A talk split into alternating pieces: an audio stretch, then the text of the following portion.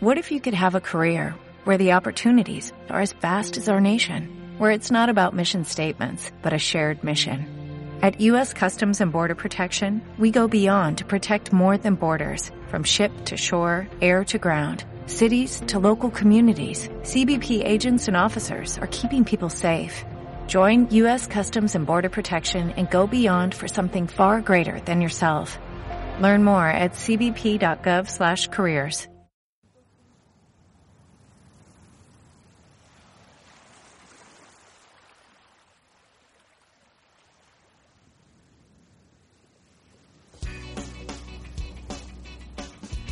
Ens acostem a altres pobles. Perquè creiem amb la ràdio de proximitat. Xarxa d'emissores municipals valencianes.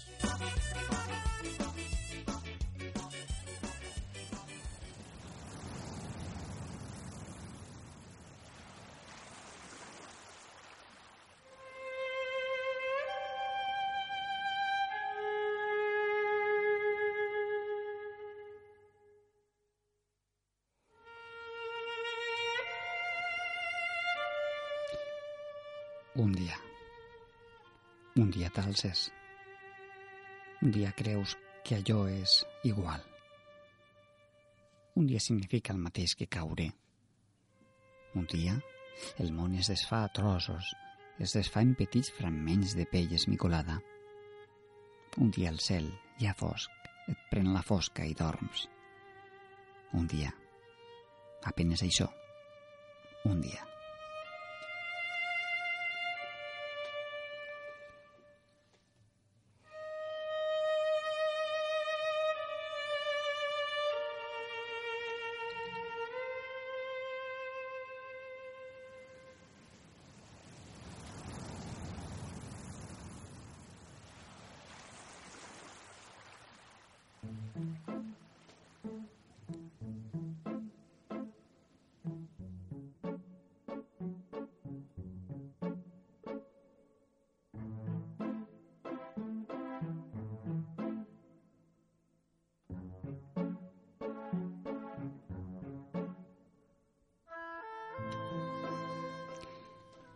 Una setmana més comencem el nostre viatge, la nostra trobada amb la cultura i la literatura.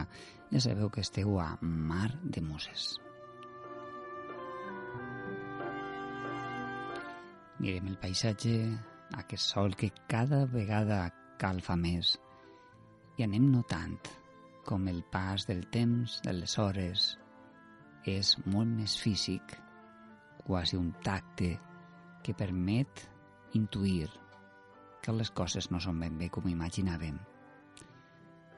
De vegades on pensa que posar un paper dins d'una capsa i dir-ne que ha votat serveix per a moltes coses.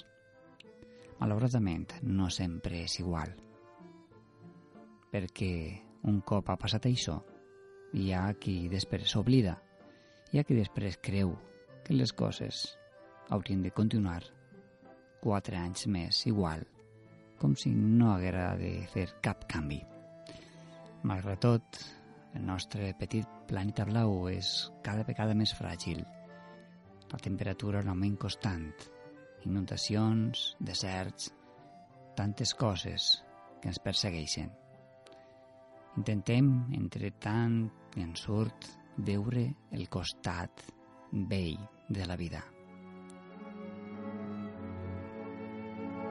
Per això cada setmana comencem el nostre particular viatge a través de les onades, un viatge que sabeu que es diu Mar de Muses.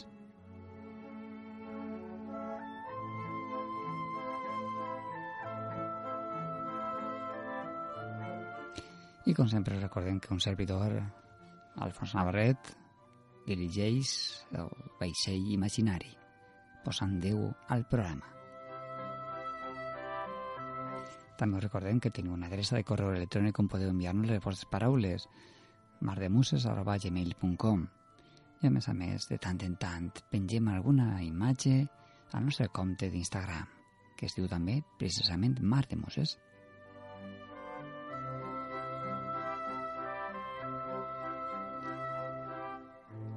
Comencem el nostre viatge, que dura uns 55 minuts aproximadament, ara uns minuts menys, uns 51.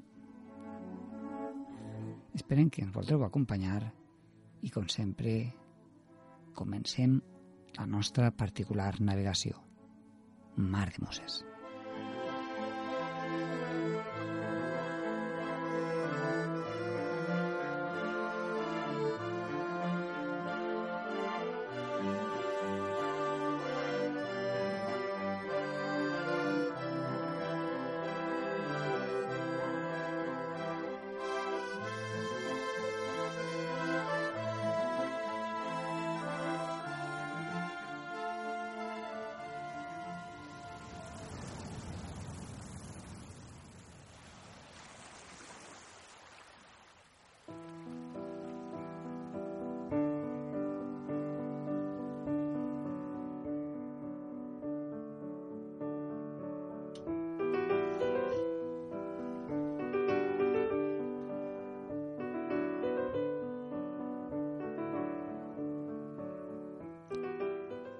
Teranyina.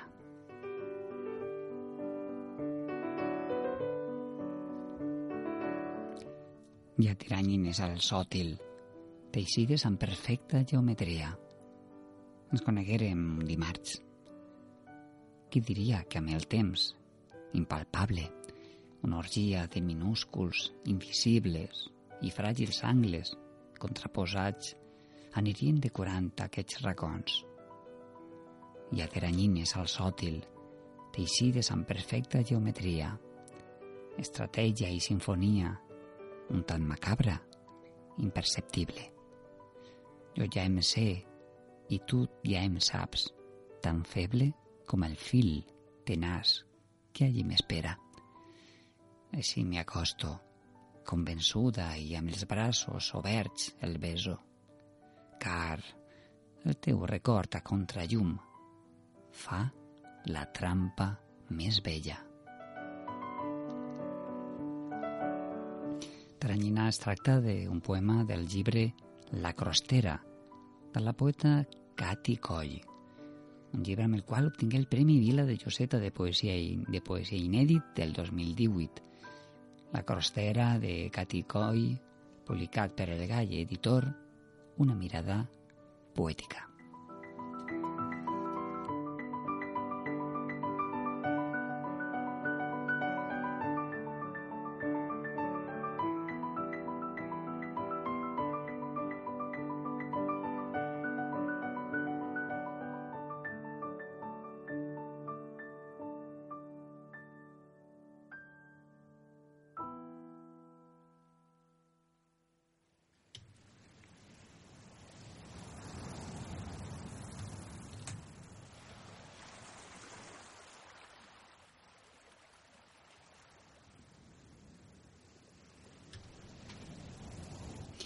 Banda sonora d'aquesta setmana la tindrem al voltant del disc Després vingui la música, un disc de poemes o de cançons a partir de poemes del poeta valencià Manel Alonso i que està feta per cantautors i cantants com Tomàs de los Santos, Andreu Valor, Tàpera, Canviu, Artur Álvarez, entre molts altres.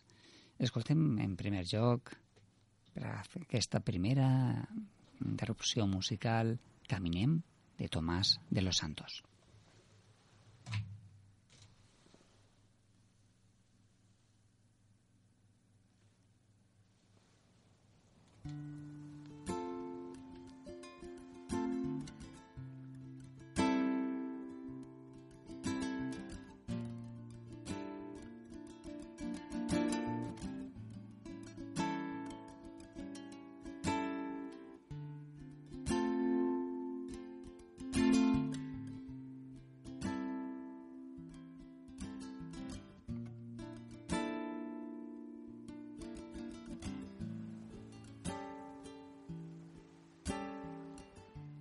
Caminem i al mateix temps anem madurant, anem pensant d'una manera equivocada que avancem en línia recta per una via sinuosa poques vegades amable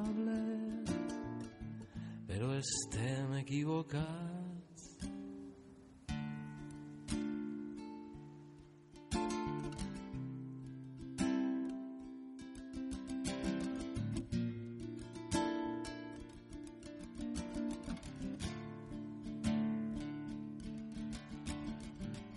El nostre camí està marcat pel cercle immersos en un món que pega voltes sobre ell mateix, que fa voltes sobre un punt de llum i cada dia és un tornar a començar i cada any és un tornar a començar i tot i tot és un tornar a començar.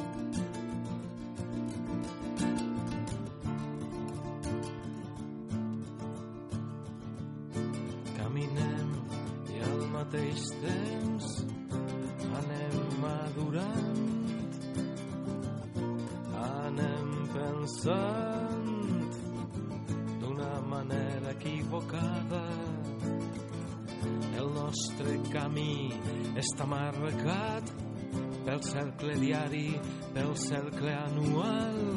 Som immersos en un món que pega voltes sobre ell mateix.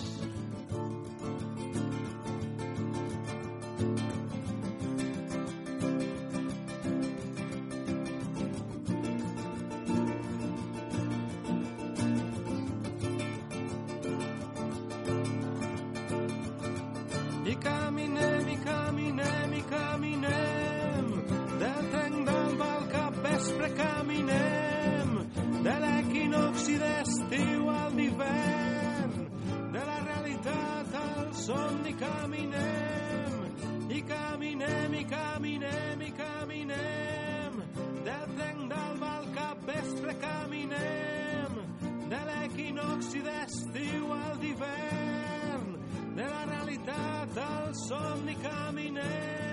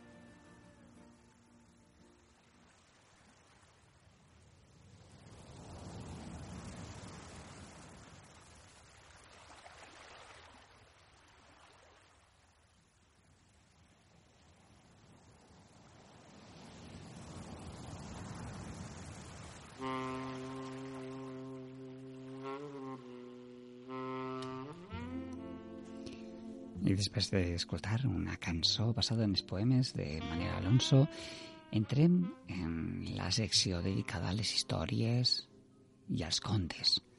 Una secció que, com ja sabeu, rep el nom de Una de Contes i que seria impossible sense la nostra amiga Teresa. Què tal, Teresa? Molt bona vesprada, molt contenta d'estar així, bé, en cos no, però, però en ànima sí, i estic contenta perquè ella duia uns dilluns que no, no havia estat, no, no estava per ahir la meva història, i així estic ja pues, preparada. I amb moltíssimes gràcies, que estem amb ganes, que estem així amb tota la il·lusió de continuar escoltant històries. I em sembla que aquesta ocasió anem a parlar, de, continuem parlant de la mitologia clàssica, no? Anem a continuar. Eh, L'última vegada que vaig eh, llegir així un, una història va ser eh, una història de mitologia, eh, perquè vaig trobar un llibre que es diu Mites i llegendes de la Grècia Antiga, que està escrit per Eugeni Salvador, i eh, perteneix a una editorial que es diu Cirpus, i eh, és una col·lecció que eh, en concret, bueno, això es, es tracta de lectura fàcil. Eh, llavors, pues, això del tema eh, de la mitologia és, és a, a veure, és un tema complicat. I en aquest llibre eh, allò més interessant que té per a mi, pues això que en poquetes paraules i d'una forma molt senzilla, molt senzilla, molt senzilla, se pot apropar eh, els mites eh, pues a qualsevol persona que no, no sé, qualsevol persona, un infant, un, eh, persones un poc més majors, sense molta cultura, és una forma, pense que molt, mm, a veure, molt resumida, molt, eh, molt això, eh, suavitzada en un moment donat també eh, perquè la gent puga comprendre o conèixer un poquet més de, de bueno, pues, l'ànima d'estos d'estos mites que sempre són importants perquè formen part de la nostra cultura i això és impepinable, la nostra cultura occidental. Doncs quan vulguis, endavant. Molt bé. Doncs avui he agafat eh, el mite de Pigmalió. Pigmalió era el rei de Xipre, una illa de la Mediterrània. Els seus habitants adoraven Afrodita, deessa de l'amor, i cada any celebraven una gran festa en honor seu. Pigmalió també era sacerdot del temple dedicat a la deessa, per a la qual sentia un amor especial. Era un excel·lent escultor i en moltes de les seves estàtues reproduïa la figura d'Afrodita, la més bella de les deesses. Feia temps que Pigmalió buscava una noia per a casar-se, però cap no li semblava prou bella i virtuosa. N'havia conegut masses que mentien, enganyaven els marits i, i no es preocupaven de la casa ni dels fills estava tan desenganyat de les dones que va decidir no casar-se i només dedicar-se a esculpir estàtues. Les feia totes increïblement belles.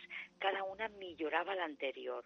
Un dia va decidir crear-ne una de perfecta, de marbre. Durant mesos es va dedicar a aquesta tasca. El resultat va ser una dona de marbre tan bella que l'escultor s'enamorà semblava una dona real. Li va posar el nom de Galatea. Cada dia l'anava a veure, l'acariciava, la besava i li oferia regals. La vestia amb túniques, li pintava els llavis i l'adornava amb joies. De tant en tant, la geia sobre coixins de plomes perquè descansens i la cobria amb teles suaus. S'acostaven les festes d'Afrodita i tota l'illa es preparava per celebrar-ho. Venint de tot arreu per dur ofrenes a la deessa. Tothom es va concentrar al seu temple per pregar i demanar-li ajuda i protecció. Pigmalió li va demanar de trobar una dona que el fes feliç. En el fons, però, estava demanant a Afrodita que donés vida a l'estat de la qual s'havia enamorat. Afrodita va escoltar les seues pregàries i per demostrar-li va fer que sobre l'altar s'encengués un gran flama, tres vegades seguides. Tothom va poder veure-la, però no van saber entendre què significava aquell senyal. En tornar a casa, Pigmalió va anar a veure la seva estimada. Es va estirar al costat d'ella i li besar la boca. Va notar una calidesa als seus llavis que el marbre no podia tenir li va recórrer el cos amb les mans i, i, i li va semblar que, està, que tot era suau i, i tou. Havia perdut la duresa del marbre. Va tornar-la a besar amb més passió i va veure com les galtes de la noia enrugien. Va obrir els ulls i el va mirar amb dolcesa. Era una dona real. La va abraçar i, i, i la va omplir de petons. Era l'home més feliç de la terra s'agenollà per donar gràcies a Afrodita. La deessa se li va aparèixer i els va beneir. Tens la dona que et mereixies, Pigmalió. Estima-la sempre i fes-la feliç. I així va ser. Poc temps després, Pigmalió i Galatea es van casar. I de la seva unió va néixer un fill, Pafos. Van fundar una ciutat amb aquest nom, al sud-oest de l'illa de Xipre, on van construir un temple en honor d'Afrodita. i mite contat, mite acabat. Ja sabem tots aquells escultors Sí, que se puguen enamorar de la seva obra que hauran d'intercedir a Afrodita, a veure si tenen sort. a, la- a veure si tenen sort, sí. Sí, però després tenen una, un compromís important, És un compromís important, sí. sobretot perquè han de fundar una ciutat. Eh, sí, sí, per, per, per fer seguir els passos de Pigmalió, sí. Eh, volia dir que, que aquest mite, eh, eh, perquè és això del que parlen, bueno, pues que està molt, molt utilitzat en, en, mira, en poesia també, veritat, Sí, eh, en la poesia, en el cinema, en, eh, bueno, en, en molts tipus de- d'escrits i s'utilitza s'utilitza aquesta imatge perquè perquè és molt representativa i molt, eh, bueno, mm, mm, molt mm, d'un comportament del, de l'ésser humà, no? que ens passa eh, coses com aquestes, no concretament. Això no es pot prendre en el, eh, en, en el sentit de la mateixa paraula, sinó que té també un valor, un, baul, un valor... Eh, metafòric, no? Exacte, això. És un valor metafòric que serveix per a, per a un fum de coses, perquè això ho gastem eh, i és, és molt interessant. Doncs Pense. Jo també estic totalment d'acord. I la història és molt bonica, a més a més. sí, Compartim el somni d'aquest Pigmalió, que a diferència de tantes històries gregues que acaben malament, aquesta acaba prou bé. està acabat bé, sí, és de veres, perquè hi ha, te, hi ha finals eh, terribles, eh? Efectivament. Doncs, Teresa, moltíssimes gràcies. Una setmana Molt- més. No sé Vale. si volies dir alguna cosa més. No, en principi això que estic molt contenta perquè la setmana passada no vaig estar i estava ahí un poquet, tenia remordiments, tenia remordiments i, ahí, i bueno, i un, poc, i un poquet, no? I ganes de- d'haver-ho fet, però en fi, les coses van vindre així, no passa res. Eh, així continuarem. Mm, Si, si no em poses pegues, Que jo així estaré. I Per nosaltres, pròxim... Sí, sí. i nosaltres t'estarem esperant, òbviament. Molt bé. Val, perfecte, això m'encanta. Doncs eh, mm, eh, s'escoltarem a la pròxima. Escoltarem i si continuem amb històries, continuarem contant amb el mite. Molt bé. Bona vesprada a tots. Bona vesprada.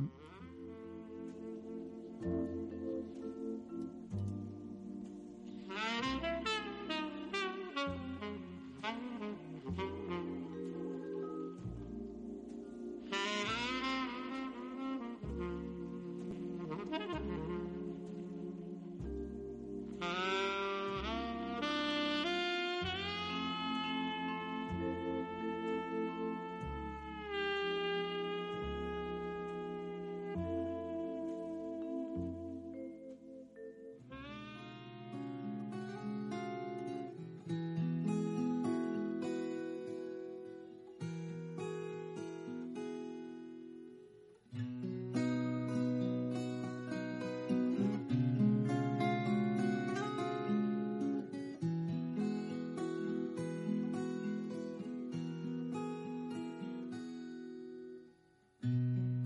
va esclatar la font de les llibertats trencant la nit en mil pètals d'alba esbirros els reietons de ponent. Muntaren sobre la bèstia corrupta. L'essència del meu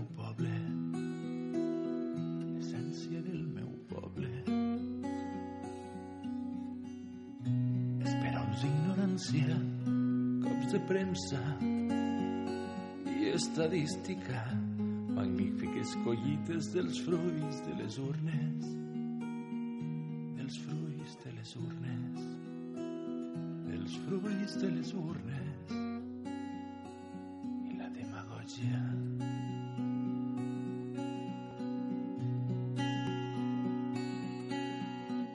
ben nodrida la bèstia, cavalca prepotent vers la caverna i els seus abismes. Recordem que estem escoltant eh, música basada en poemes de Manuel Alonso, en aquesta ocasió és basat en el poema que es diu Conte de la Ibèria Oriental, fet o cantat per Andreu Valor. Els meus mots de molt mala llet, els meus mots de molt mala llet.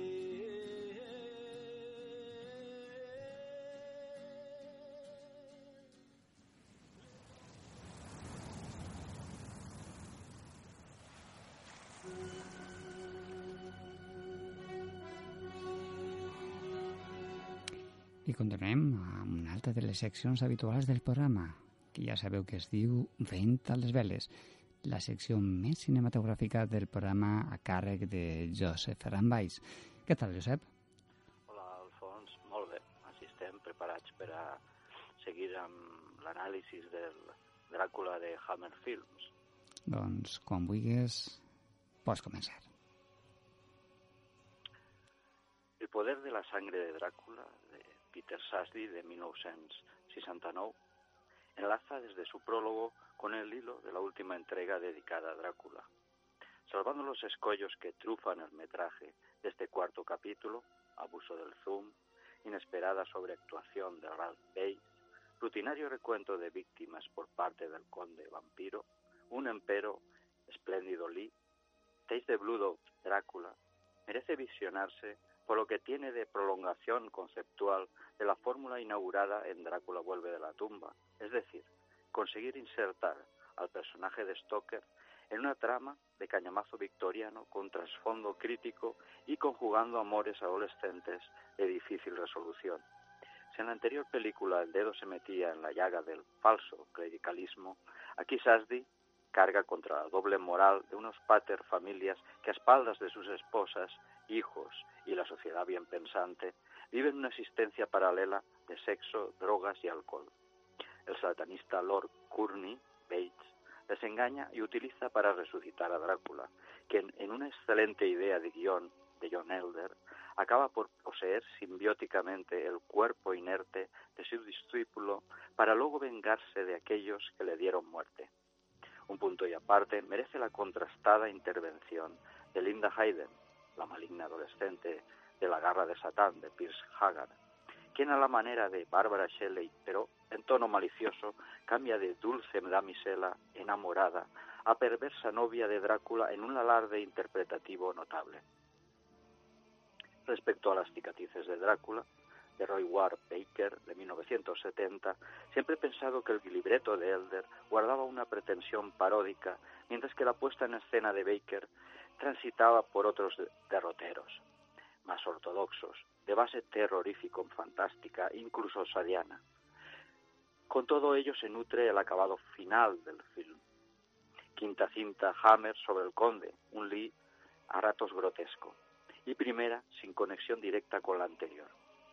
Gracias al esfuerzo creativo de Baker, merecen destacarse las secuencias iniciales de comedia galante, con el elíptico fundido en rojo, desde la sangre que baña los cirios en la capilla profanada hasta el soplo sobre las velas de una tarta en el cumpleaños de la joven protagonista, una dulce Jenny Hanley.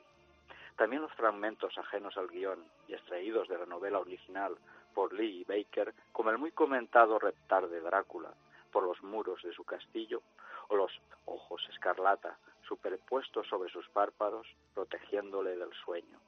Por otra parte, llama la atención ideas visuales entre divertidas y sensuales, como fijar el objetivo en el escote del Hanley, o lo que es lo mismo, en la protección que le confiere su crucifijo. Y finalmente, la poco alabada secuencia climática con la resurrección, perdón, con la destrucción del no muerto cuando hace y levanta un hierro para atravesar al joven héroe, Dennis Waterman. Y el rayo de tormenta descarga sobre él toda su carga eléctrica, incendiándolo y haciéndole caer al abismo. Tras el callejón sin salida, que supuso la deslavazada Scars of Drácula, dos años más tarde, la productora Aida Young intentó con Drácula 73, de Alan Gibson, de 1972, un ayornamiento de la saga pero asumido a medias, pues el conde Lee, recuperando su postura siniestra, pese a resucitar en los años 70, permanece siempre bajo la protección gótica de la iglesia desconsagrada de San Bartolo, en pleno swinging London. no se atrevieron eh, a llevarlo al psicodélico pub, discoteca, con telarañas de neón, donde se reúne la panda protagónica. El grado de locura hubiese sido delirante. Por otro lado, se regresa a las bases de la serie, pues para enfrentarse al vampiro mayor, acorralado pero majestuoso, que encarna a Christopher Lee, se recupera el Van Helsing que diera vida a Peter Cushing, o más bien un descendiente del cazavampiros original. Todo ello con jovencitos peinados y ataviados a la moda setentera, incluyendo el descendiente del último esclavo que sirviera al conde en época victoriana, un tal Johnny Alucard, Christopher Nim, petimetre con la dentadura fácil que parece extraído de la execrable La naranja mecánica de Stanley Kubrick y que se muere solo. Por accidente se espole al son y luego activa la ducha, algo totalmente risible, más ridículas, fiestas adolescentes con banda pop incluida como sinónimo de rebeldía. Pero también un atmosférico ritual de resurrección que recuerda al del poder de la sangre de Drácula, bien filmadas vampirizaciones con el conde como gourmet, la labor policial y de investigación del comisario Seward, Michael Coles, junto a Van Helsing, y luego la minuciosa preparación del matador de vampiros y el subsiguiente duelo entre él i Dràcula. Bé, i fins així l'anàlisi d'esta part de la filmografia Hammer sobre Dràcula. Doncs, Josep, continuarem suposo que encara queda una miqueta més d'aquesta sèrie de capítols no? sobre Dràcula. Sí, sí, i sobre la Hammer un capítol més només, un capítol més. I després ja parlarem eh, no en sèrie, eh, parlar de la sèrie de la Universal, de la sèrie de la Hammer, en acabant tocarà parlar de pel·lícules soltes, pel·lícules soltes que després d'aquestes dos grans etapes s'han anat produint al llarg dels temps. Molt bé. Doncs, Josep, continuarem en aquest darrer capítol d'aquesta sèrie que estem fent al voltant de Dràcula dins de 15 dies. Fins aleshores.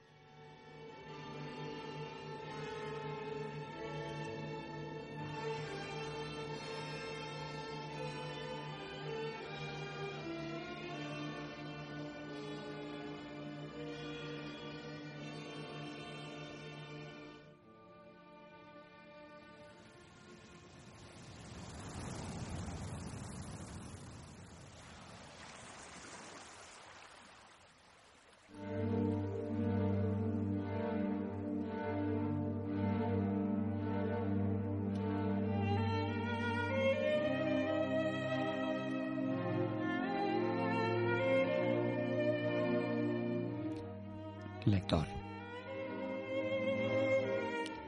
Mirador, tafaner, fullejador, saltaparàgrafs, llepapolses, passapàgines, escorcollador, tu a la recerca de la dosi diària de tinta impresa, mossegador de llapis, autor de notes i xamarges, amics i amb els teus vistiplaus. Novensau relector, Badoc velocista, filòleg, noia a punt d'alçar el vol, noi melangiós, company invisible, lladre, cita a cegues, desconegut. Soc jo abocant-me a la finestra, a veure si ets tu qui passa sota els grans arbres, amb un cotxet infantil o un gos lligat. Jo, despenjant del telèfon, per imaginar el teu número inimaginable jo, al costat un mapamundi, demanant-me on deu ser tu. Sol en un banc en una estació de tren, o a punt d'adormir-me amb el llibre caient a terra.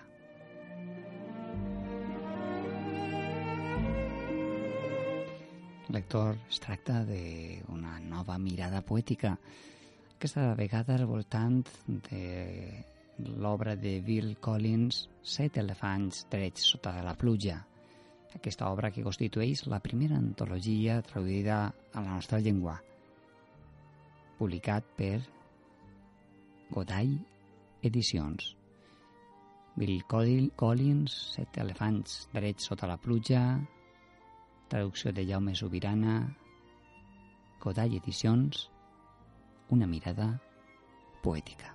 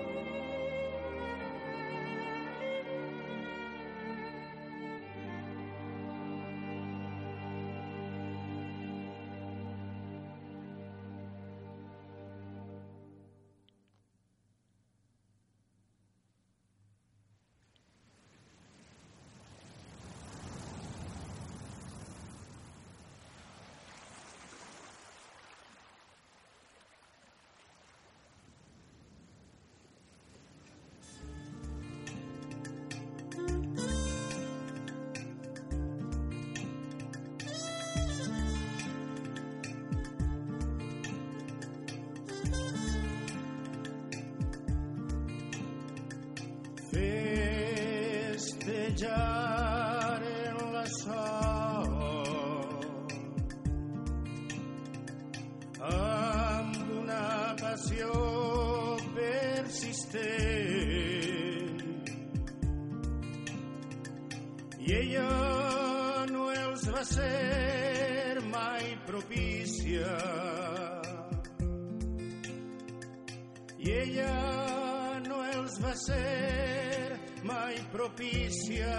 Que se n'ha fet de tot plegat que se n'ha fet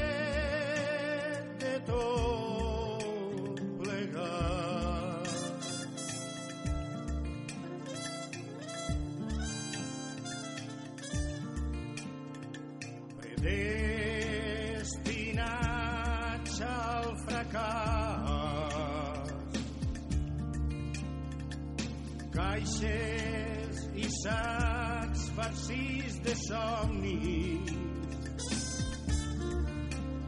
Envaïen somorts l'andana.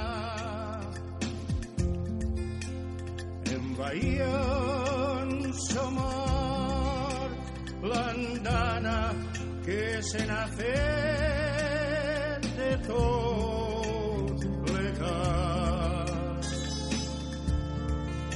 se n'ha fet de tot plegat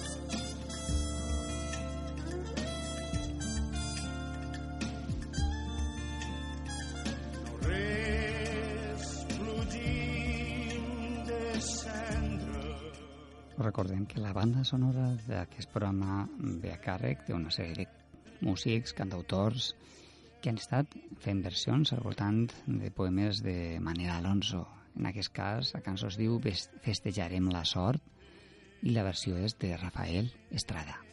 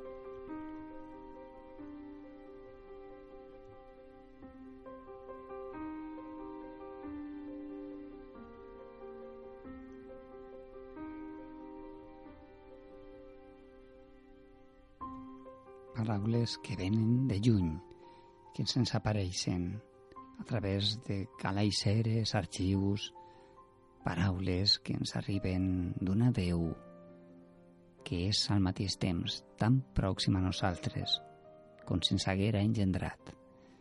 Les paraules i aquell soroll que queda reverberant en l'ambient són allò que trobarem, allò del qual ens hem fet tots nosaltres, l'eco i la paraula. Literatura del món clàssic de la mà de Patricia Crespo.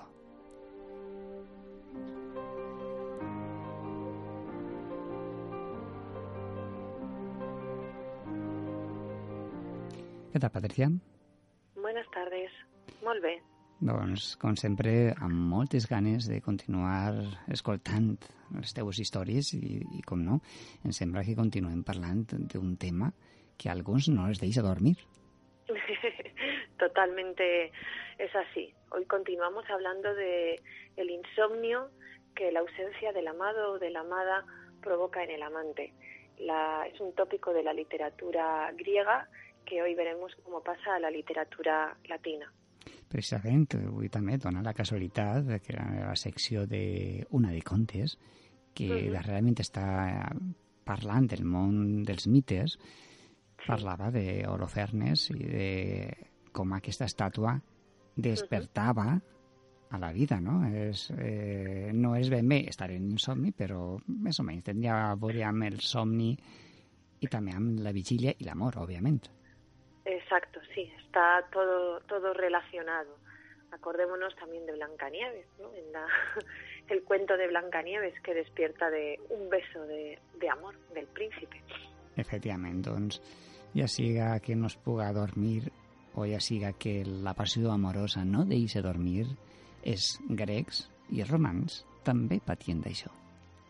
Mucho, mucho. Hemos leído varios poemas de Safo al principio de la sección y en el programa anterior que precisamente Safo nos hablaba de, de los, del aspecto físico del amor y una de las características que se mencionaban era precisamente este, el, el insomnio, el no poder dormir porque estás pensando en, en la persona amada. Doncs quan vulguis, endavant. Molt bé. La lejanía, la distancia, aviva los recuerdos que la otra persona provocan en el amante, pero también el miedo a que haya encontrado otra boca que besar o que haya olvidado el amor que sentía. El último día estuvimos eh, leyendo un poema de la antología palatina. La antología palatina es una recopilación de poetas helenísticos que se hizo evidentemente en época post-helenística, poetas que se podían considerar menores y fue una forma de, evitar que se perdieran para siempre. Leíamos un poema de Meleagro y vamos a empezar hoy mmm, retomando este, estos versos en los que el poeta enviaba a un mosquito para que fuera hasta su amada cenófila y le susurrase a la oreja un mensaje. Y decía este poema, vuela mosquito a cenófila y rápido nuncio, rozando su oreja susurra este mensaje. Insomne te espera y tú duermes de amor olvidada. Vuela ya, vuela músico, pero háblale bajito, no despiertes a aquel que comparte su lecho y con ello renueves en él tormentos celosos. Si traes mosquito a mi niña, la piel he de darte de un león y una maza que en tu mano lleves. Señalar que el mosquito será recompensada, recompensado con el mazo y la piel de león, atributos del héroe griego Heracles, y así el mosquito se convertirá en un héroe por haber conseguido llegar hasta su amada sin que el marido o el actual amante sea consciente de ellos. Otro, poema, otro poeta de la antología palatina, Asclepiades, también se pregunta por qué su amada no ha llegado esa noche en la que él, eh, despierto, la aguarda y la espera. Y le dice a su amada, prometió que vendría esta noche la célebre Nico, y me lo juró por la santa Demeter. Mas no viene, y pasó ya la ronda. Tal vez un perjurio proyectaba. Apagad el candil. Muchachos. Perdón. En este poema Asclepiades eh, nos cuenta algo parecido a lo que nos contaba, lo que nos relataba precisamente el poema de Safo, que en el anterior programa veíamos. Ha pasado la noche, él se ha quedado esperando a la amada que cumpliera su promesa de aparecer y ella no ha aparecido. La noche ha acabado, las luces del alba empiezan a, a alborear el día y él se siente desilusionado y triste. La soledad nocturna va diluyéndose con el paso de las horas, la impaciencia porque el nuevo día llegue y aleje los tormentos y el sufrimiento. En otro poema también nos dice Asclepiades, de Nicareta el rostro agradable que, herido de amores, una y otra vez se asoma a la ventana. Cleofonte a la puerta derrite y los rayos brillantes, oh querida Cipris, de su mirada dulce. Eros, inflexible, no atiende a las súplicas del poeta, de nuevo en un poema de Meleagro. El poeta va a morir de amor, porque todos los enamorados mueren de amor cuando no son correspondidos. Y en unos versos repletos de tópicos literarios dice, Eros, te ruego, esta insomne pasión de Eleodora, en gracia mi musa suplicante adormece. Si no, por el arco que en mí solamente se enseña, ensaña y que siempre me inunda con dardos alados. Inscripción sepulcral dejaré, si me matas que diga, un crimen de héroe tienes ante ti, forastero. En griego este poema dice agriptom pozón, es decir, insomne de deseo, insomne de amor. Otros poetas helenísticos desarrollarán este motivo en sus versos, que llega incluso a la poesía latina. No quiero dejar de mencionar dos referentes de la poesía, poesía latina que se sirven de este tópico, Catulo y Ovidio, dos autores que merecen que les dediquemos un programa entero o varios. Catulo es un poeta elegiaco de la República Latina. Cantó Catulo a su amigo Calvo Licinio después de haber compartido la tarde con él, y su marcha le ha dejado en un estado un tanto perturbado. Y dice los versos de Catulo, de ayer, Licinio, en el día, ociosos, mucho bromeamos en mis tablillas, cómo convenía que fuera a unos chicos delicados. Escribiendo versículos cada uno de nosotros, bromeaba con un ritmo, este o ese, rindiendo su vez entre el juego y el vino. Y de allí salí por tu gracia, encendido, licino, y tus despechos, que ni triste de mí la comida me agradara, ni el sueño cubriera de quietud mis ojos, sino por todo el lecho indómito de furor, diera vueltas deseando ver la luz para contigo hablar y junto a ti estar.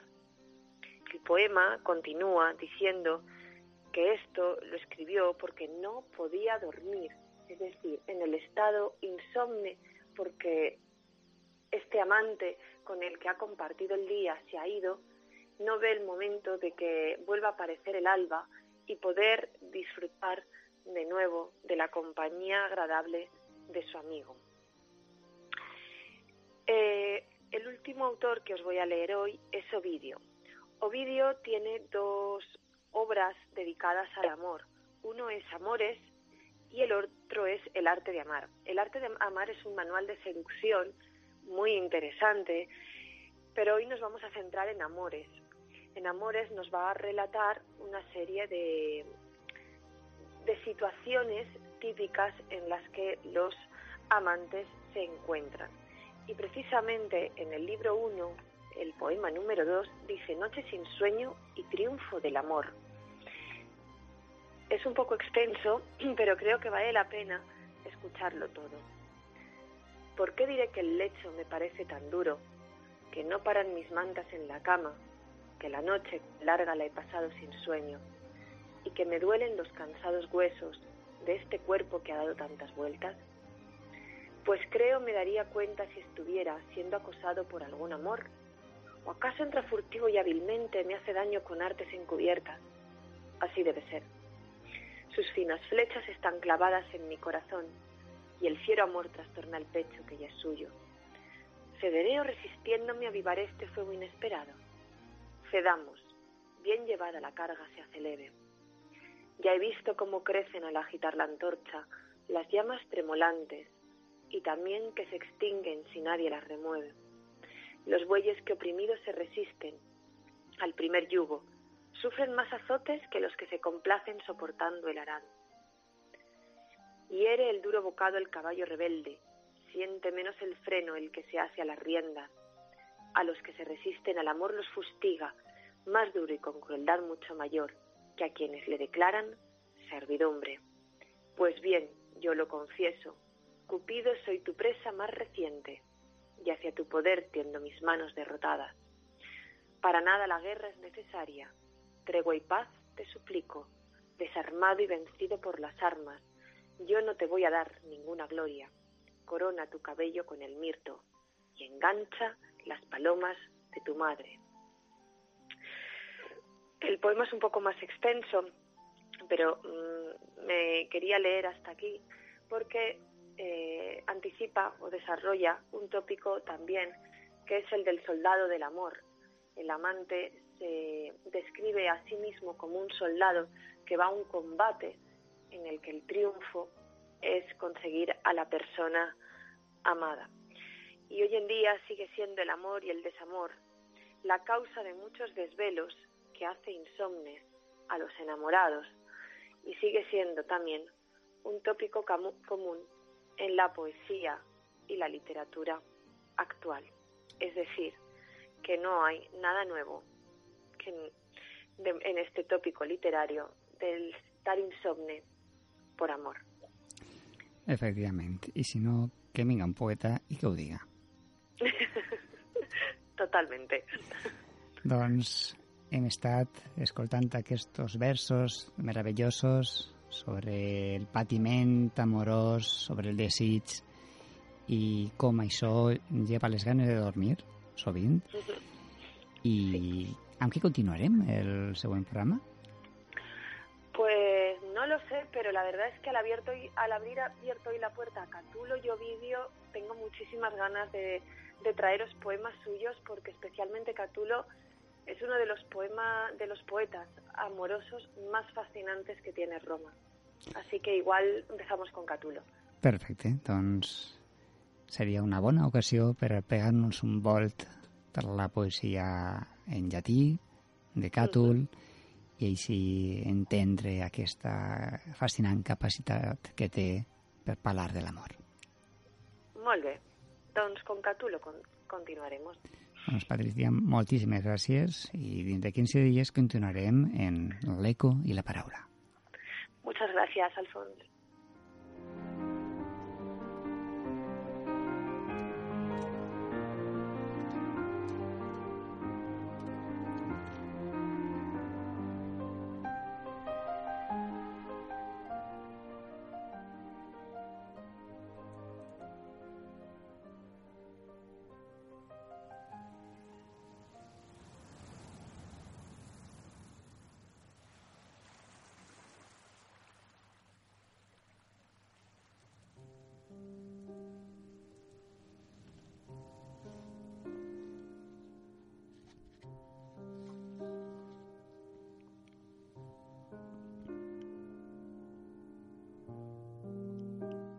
¿De qué verano me hablas? Cuando hablas de la arena y del cobre, del cuerpo desnudo sobre la toalla, de la carretera, de la belleza de unas huellas, de los pies en el salpicadero, del alcohol y del pan en la tierra. ¿De qué verano hablas si no hablas de mí y de ti sobre la hierba después de muertos y envejecidos por el sol? Fumando el cigarro del reencuentro, con sabor a una cerveza en la lengua. Rozo tu hombro hoy y veo la luz del verano, la sutileza de los perros que aún reconocen mi voz cuando les llamo. No sé de qué verano hablas cuando leo tus cartas. ¿Qué verano es ese de los tirantes y la sangría, de la noche a medio dormir, del cuerpo derramado sobre una bicicleta? ¿Qué verano es ese? Dime. ¿Qué verano? Mi verano es más sucio, ya lo sabes, y por eso más hermoso. Y de él apenas recuerdo los viajes, el sudor y la lluvia destiempo, la piel que me entregabas, el sonido de tus pulseras y el repicar de tus manos al tocarme. Ese es el verano del que yo hablo idéntico y tan diferente al tuyo. De qué verano me hablas es tracta d'un poema que pertany al llibre El huésped esperado, poesia reunida 2004-2016 del poeta Alberto Santamaría, un llibre publicat per la Bella Varsovia. Alberto Santamaría, El huésped esperado, La Bella Varsovia, una mirada poética.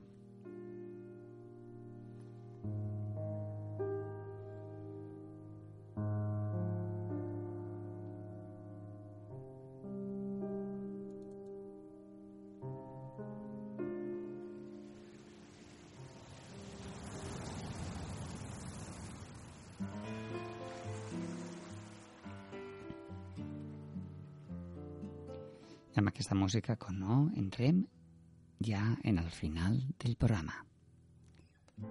Només recordar-vos que heu estat amb Mar de Muses, un programa dedicat a la cultura, la literatura, la poesia. Que un servidor, Alfons Navarret, ha posat veu i dirigit aquest viatge a través de la paraula. Nosaltres continuarem dins de set dies amb les seues nits respectives. Mentrestant, com sempre, us desitgem el més important de tot, que siau feliços. I us diem adeu i adeu, Mar de Moses.